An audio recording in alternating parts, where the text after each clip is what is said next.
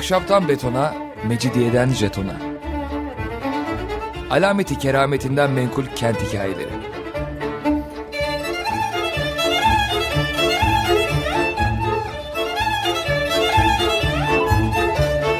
Hazırlayan ve sunan Pınar Erkan.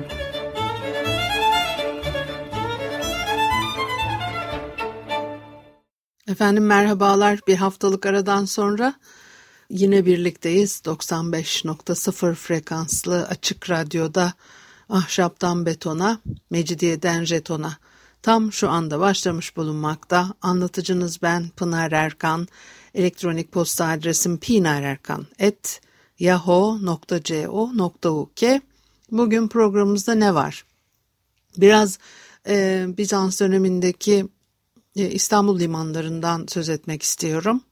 Özellikle de Halic'in e, kuzey kıyısındaki e, belki bir parçada Boğaz'daki limanlardan da söz ederiz. Şehir kurulduktan sonraki ilk yıllarda bir Neoryon var. Eminönü'nde ve batısında eski tersane tesisleri var. Bunların hepsi Eminönü'nde. Bunlar e, e, kullanılıyor, devam ediyor kullanılmaya. Fakat e, zaman içinde ihtiyaçlar artıyor. Özellikle askeri ihtiyaçlar yüzünden daha büyük bir e, donanma inşası ve barınması için de tesisler e, gerekiyor. Bunlar sadece işte ne o gemi evleri, çekek hangarları, inşa ve donatım yerleri diye bunları sıralar Vina. E, e, yeni konut ticaret alanlarının dışına kurmak gerekiyor bu türden tesisleri. Ne yapıyorlar bu nedenle? E, günümüzde Kasımpaşa civarına denk düşen yere Halic'in karşı yakasında şehir dışında olacak ya e, bu bölgeler hiç unutmamamız gerekir ki bugün biraz e, e, e, e, tahayyülü zor.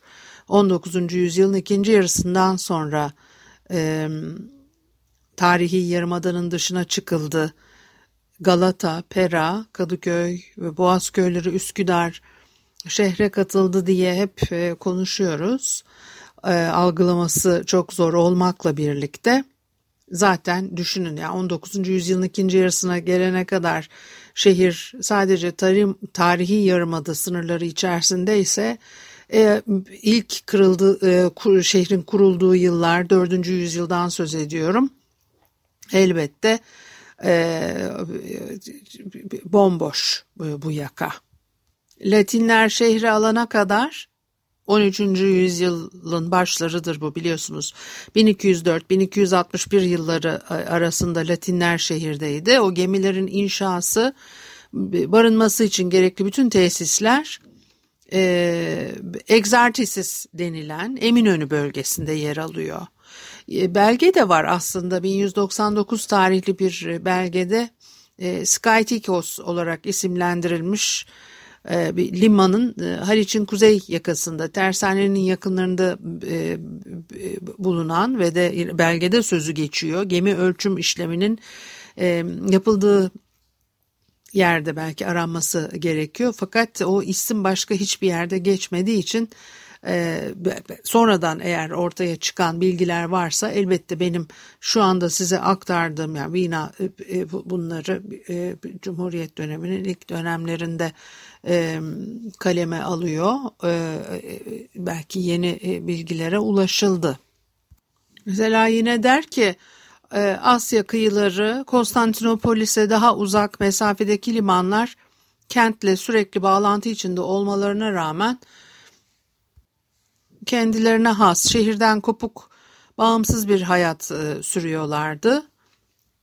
Fakat e, kentin o ticari trafiğinde sık kullanılan bir iskele var. Bu da e, yangınlar oluyor şehirde özellikle 5. yüzyılın ikinci yarısından sonra e, e, 1. Leon Ayabama banyosunda yani Beşiktaş'a e, denk düşer e, burası. E, Sigma'nın karşısında Aziz Kilisesi var. bir yarım daire şeklinde galeriyle genişletilmiş bir liman gibi kısa sürede imparator iskelesi olarak görev yapıyor. Ondan sonraki yıllarda Rus tacirlere tahsiye edilmiş burası. Şehrin çok yakınında içinde olsun istemiyorlar Rusların. Bir de tabi Boğaz koylarında gemiler yükün gelmesini veya elverişli rüzgarları bekliyorlar veya kışlıyorlar buralarda. Onun içinde birçok küçük iskele, demirleme yerleri de var buralarda. bu konularda hem çok bilgi var hem o kadar bilgi yok. Marmara Denizi'ne bakan yani şehrin Marmara Denizi'ne bakan güney kıyılarındaki limanlarda çok olaylar yaşanmış e, Unkapanı bölgesi Zeugma olarak e, geçiyor. E, buralar e, ticaret e, için e, merkez hale e, geliyor. E, kentin ekonomik hayatının merkezleri bu kıyıda 14. yüzyıla kadar e, Heptaskalon adında birkaç iskeleli bir e, gemi yanaşma yeri varmış mesela burada. Hop geri döndük şimdi Haliç'e. E, Haliç kentin asıl limanı haline geliyor. İşte 19. yüzyıl sonlarına kadar da öyle e, kalıyor. Bir de üstüne üstlük e, İstanbul çok akın alıyor ya herkesin gözü e, İstanbul'da. Dolayısıyla da daha korunaklı bir yer e, Haliç. Akra bugünkü Sarayburnu ve hemen batısında bir e, e, kule var. Onun e, karşısında da tahkimat yapmışlar. Bir demir zincirle işte burasını kapatabiliyorlar. O Castellon Galata arasındaki o meşhur zincir. üstüne üstlük de ağır tahta kalaslar üzerinde yüzen liman engelleri. Bizantiyon dahil ilk çağdan beri kullanılıyormuş. O zinciri birçok kez döşemişler. 969'da e, bir Rus saldırısı bekliyorlar. Ondan sonra da yine 1448 ve 1453'teki e, Türk saldırılarında e, işte bir daha kullanılmıyor zincir. Zincire ait olduğu sayıl varsayılan bazı parçalarda bugün işte müzelerde bulmanız mümkün. E, Konstantinopolis'in ortaçağ başlarında birçok Akdeniz limanıyla ticaret bağlantıları olduğunu varsaymak gayet e, makul. Karadeniz'de durum biraz daha farklı. E, Karadeniz 13. yüzyıla kadar Akdeniz'den gelen yabancılara kapalı kalıyor. Limanın günlük faaliyetleri için çok önem taşıyan bir e, ulaşım e, kentin kendi gemileriyle yürütülüyor. Bulgar tacirleri 8. yüzyıl başlarından itibaren kent ile ticaret yapabiliyor. 816'dan sonra bir üsleri olmuş ama işte 9. yüzyıl sonuna doğru Selanik'e gönderiliyorlar. E, bu da Bulgaristan'la birkaç yıl e, süren savaşın e, nedeni. E, bir de e, 907'de Rusların ikinci Çargrad seferinden ve ticaret anlaşmasından sonra Kiev Rus egemenlik bölgesinden tacirlerin, tüccarların kente girmesine izin veriliyor. Çargrad dedikleri de İstanbul, Konstantinopolis'in Slavca karşılığı Çavgrad küçük gemilerle e, Dinyeper ve Karadeniz'in batı kıyısı boyunca seyrederek kente geliyorlarmış Rus tüccarlar. E, e, kürk, mum ve köle getiriyorlarmış e, e, Konstantinopolis'e. E, ve, e, ve de işte Beşiktaş limanına yanaşmak e, zorundalar. Kent merkezinin öyle göbeğine içine kadar e, keyfi biçimde giriş yapamıyorlar. Barınakları Ayamama'da, Beşiktaş'ta e, kente sadece küçük gruplar halinde ve belirli kapılardan giriş yapmalarına izin e, veriliyormuş. E, işte bir, belirli bir süre iaşeleri devlet hazinesinden e, karşılanmış. E, yine e, dönüş yolculukları için gerekli yiyecek erzak hazineden sağlanacak falan. E, e, yanlarında götürebilecekleri ipek miktarı e, kısıtlanmış. Buna karşılık Ruslar karaya oturan Bizans gemilerini yağmalamayacakları, tersine gemiler dönüş yolculuğuna çıkana kadar onları e, koruyacakları konusunda taahhütte e, bulunuyorlarmış. Malları taşımak için türlü çeşit e, gemiler kullanıyorlar. Bazıları çok enteresan. E, Naus, e, e, Ployon, e, Zelon, Holka, Karabyon e, gemi tanımları var. O dönemin kaynaklarında geçiyor. Eğer yanlış telaffuz ettiysem beni bağışlayın. Ee, e, küçük yelkenlilerle yapılıyormuş. Yakın bölgelerden e, gelen e, e, ürünlerin sevkiyatı 19. yüzyıla kadar da böyle devam ediyor. E, sandalya, agraria, kondra gibi e, isimler veriyorlar. Daha büyük teknelerin de isimleri var. Dolayısıyla bir de özel e, işlevler, özel görevler için özel gemiler tasarlanıyormuş. Ta imparatorluk devrinde Caligula döneminde örneğin Vatikan tepesine dikecekler. Limanın önünde yapay bir ada oluşturmak için o batırdıkları 322 ton ağırlığında dikili taşı taşımak amacıyla bir gemi yaptırıyorlar.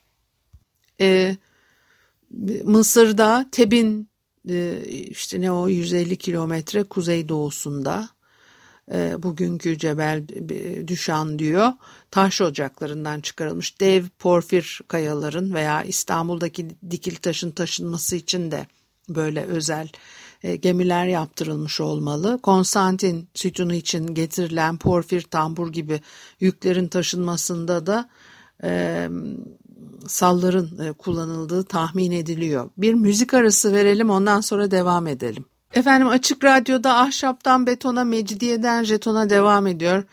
Haliyle Pınar Erkan'ı dinlemektesiniz. E, gemi limanlardan biraz da gemilerden söz ettik. Bizans dönemindeki İstanbul'dan şu e, Bartın'da olanlar gerçekten beni çok sarstı. Ee, bilmiyorum hani belki sesim biraz soluk gelebiliyor olabilir geliyor olabilir size beni bağışlarsınız bugün için.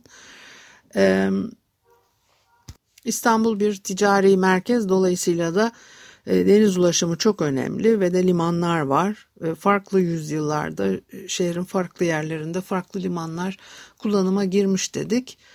E, o imparatorluğun Doğu ve Karadeniz ülkelerindeki ticari ortaklarına ek olarak İtalyan kolonileri 10. yüzyıldan başlayarak özellikle Konstant, Konstantinopolis'le ticaret trafiğine yoğun şekilde katılmaya başlıyorlar. Özellikle Amalfili ve Venedikli İtalyan e, tüccarlar. 11. 12. yüzyıllar boyunca anlaşmalar e, yapılıyor e, önce Amalfililere,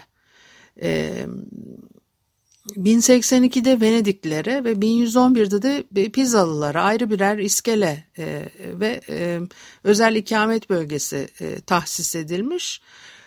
Hani genellikle Cenevizler ve Venediklerden söz edilir sanki başkası yokmuş gibi. Halbuki var Amalfiş'te, Amalfillere hatta en önce galiba yer tahsis edilmiş.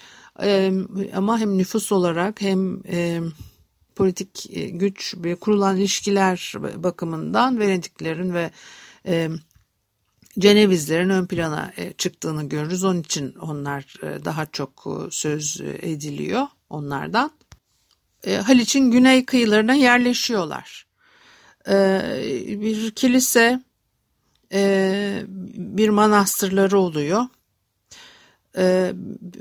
E, sonra zaman geçiyor bakıyorsunuz e, Venediklere 1082'de bir sokak ve 3 iskele e, verilmiş. E, son yıllarda yapılan çalışmalar var. Nerelerde oldukları biraz daha e, bilinebiliyor. Bazı belgelere de ulaşabildiler.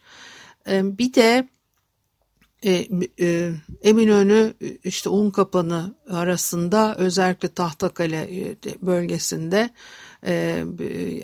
yerleşim yerleri zaten bu bölgeye baktığınız zaman hanların özellikle e, temellerinde e, ufak tefek çalışmalar da yapılabildi e, bu konularda.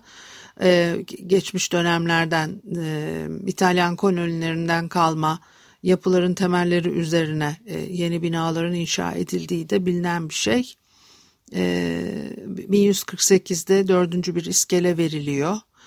E, bir de o bölümlenmelerin tam nasıl olduğu bilinmiyor. Bunlar hep sur dışındadır. Birbirine bitişik, bütünlük gösteren bir bölge mi yoksa parçalı mı? Ama en nihayetinde üçüncü iskeleye dördüncü bir iskele vermişler. Ayrıca sur içinde bazı arazileri de eklemişler. 1171'de ee, iddiaya göre 10 bin e, Venedikli tutuklanıyor. Ondan sonra da bir e, tazminat pazarlığı devam ediyor izleyen yıllarda. Ee, dolayısıyla da e, koloniler o kadar büyümeye devam edemiyorlar. İmtiyaz alanıdır bu verilenler. Ee, Venediklilere daha önce Alman ve Fransızların olan ama eski sahiplerinin fazla ilgilenmediği anlaşılan bölgeler e, devredilmiş. E, Pizalıların imtiyazına bir sokak e, veriyorlar. Bir kilise, bir iskele. 1162-63'te Ceneviz yerleşimine saldırı yapıyorlar. Ondan sonra İmparator 1. Manuel tarafından Halic'in kuzey yakasına sürülüyorlar. Geri dönmelerine ancak 1170'te izin verilmiş. 1192'de e, Pisa imtiyaz bölgesi e, yeniden e, genişletiliyor. Zaman içerisinde meydana gelen bu değişiklikler bazen lehlerine bazen aleyhlerine oluyor e, pizzalılar e, işte yangın çıkıyor.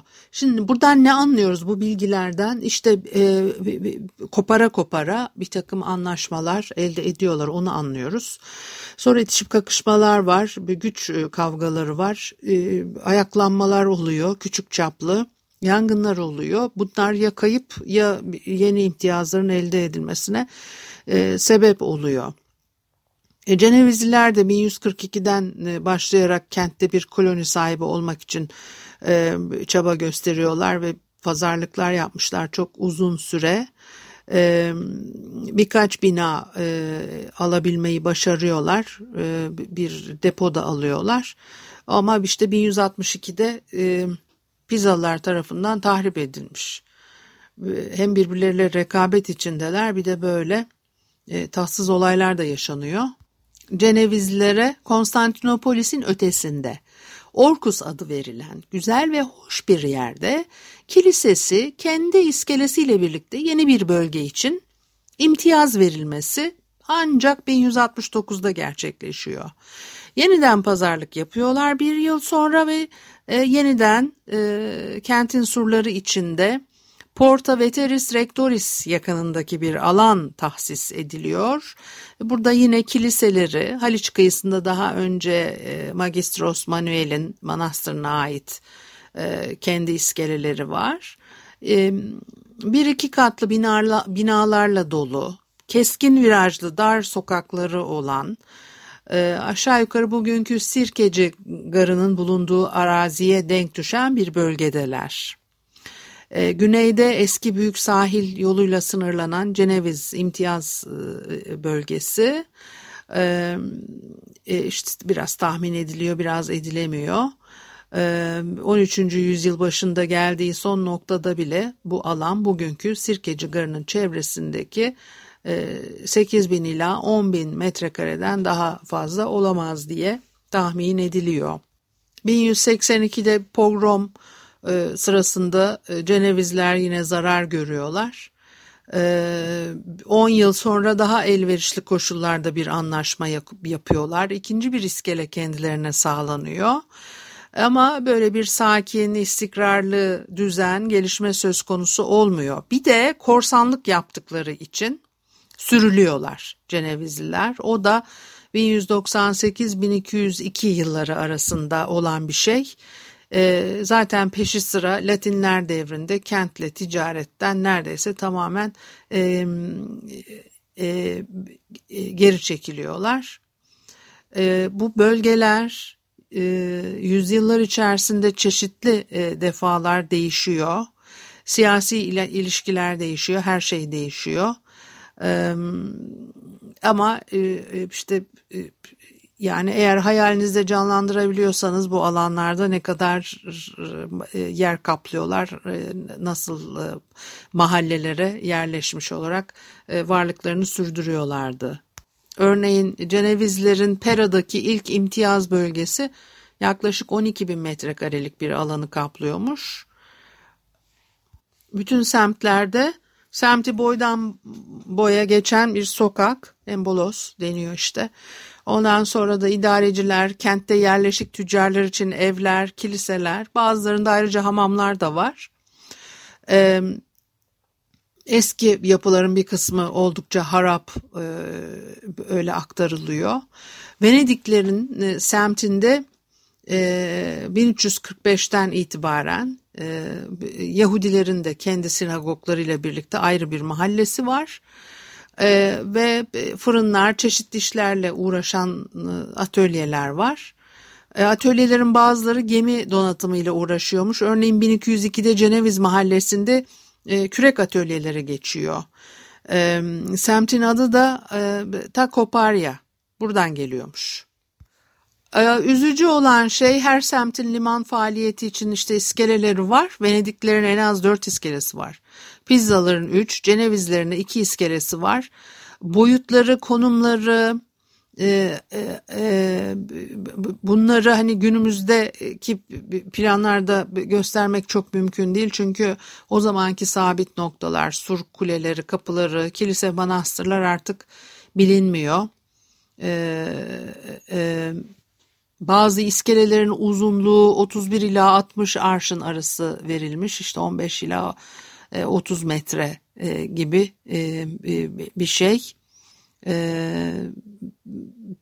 Surların önünde az veya çok sağlamlaştırılmış kıyı şeritleri var. Bunların önünde de yer yer denize doğru uzanan ahşap iskeleler söz konusu. Gemiler kıyıya Pruva ya da kıçtan ama bordodan değil asla e, bağlanacak şekilde yanaşıyorlarmış. E, yer yer genişleyip daralan kıyı şeridi üzerinde depolar, atölyeler, binalar bulunduğu e, belgelerden anlaşılıyor. Bir de işte bir İspanyol gezgini meşhur şehirde yaşıyor onun anlattıkları var. Kıyı şeridinde meyhaneler de varmış. Ee, çeşitli iskele yöresinde çeşitli mallar üretiliyor. Ee, alışveriş market alanları, e, pazar alanları buralarda. Eski Hebraiki iskelesi ile Vigle arasında Perama kıyısında Venedik semtinde imtiyaz tanınmış iskeleler bölgesinde kıyıyla sur arasında genişçe bir yol e, e, Via Publica geçiyor kapıların önünden pis su kanallarının geçtiği küçüklü büyüklü ara sokaklar kesiyormuş. Bunlar da tarif ediliyor. Ee, belki e, küçük dikdörtgen bina adaları şeklinde insilular vardı burada e, muhtemelen diye tahmin edebiliriz. Bir cephesi sokağa öteki cephesi Perama kıyılarına bakıyor diye de e, anlatılır. Ee, e, denizin e, yanı başında e, günümüzdekinden oldukça farklı bir e, manzara çizdiğini söylemek e, mümkün. Bizans dönemindeki e, tarihi yarımada kıyıları, Haliç kıyıları, liman çevresinde ve e, Ceneviz ve Venedik gibi e, İtalyan kolonilerinin yerleştiği bölgeler. Bugünlük de bu kadar olsun. Haftaya enteresan olacak diye düşünüyorum. Haftaya görüşmek üzere, hoşçakalın.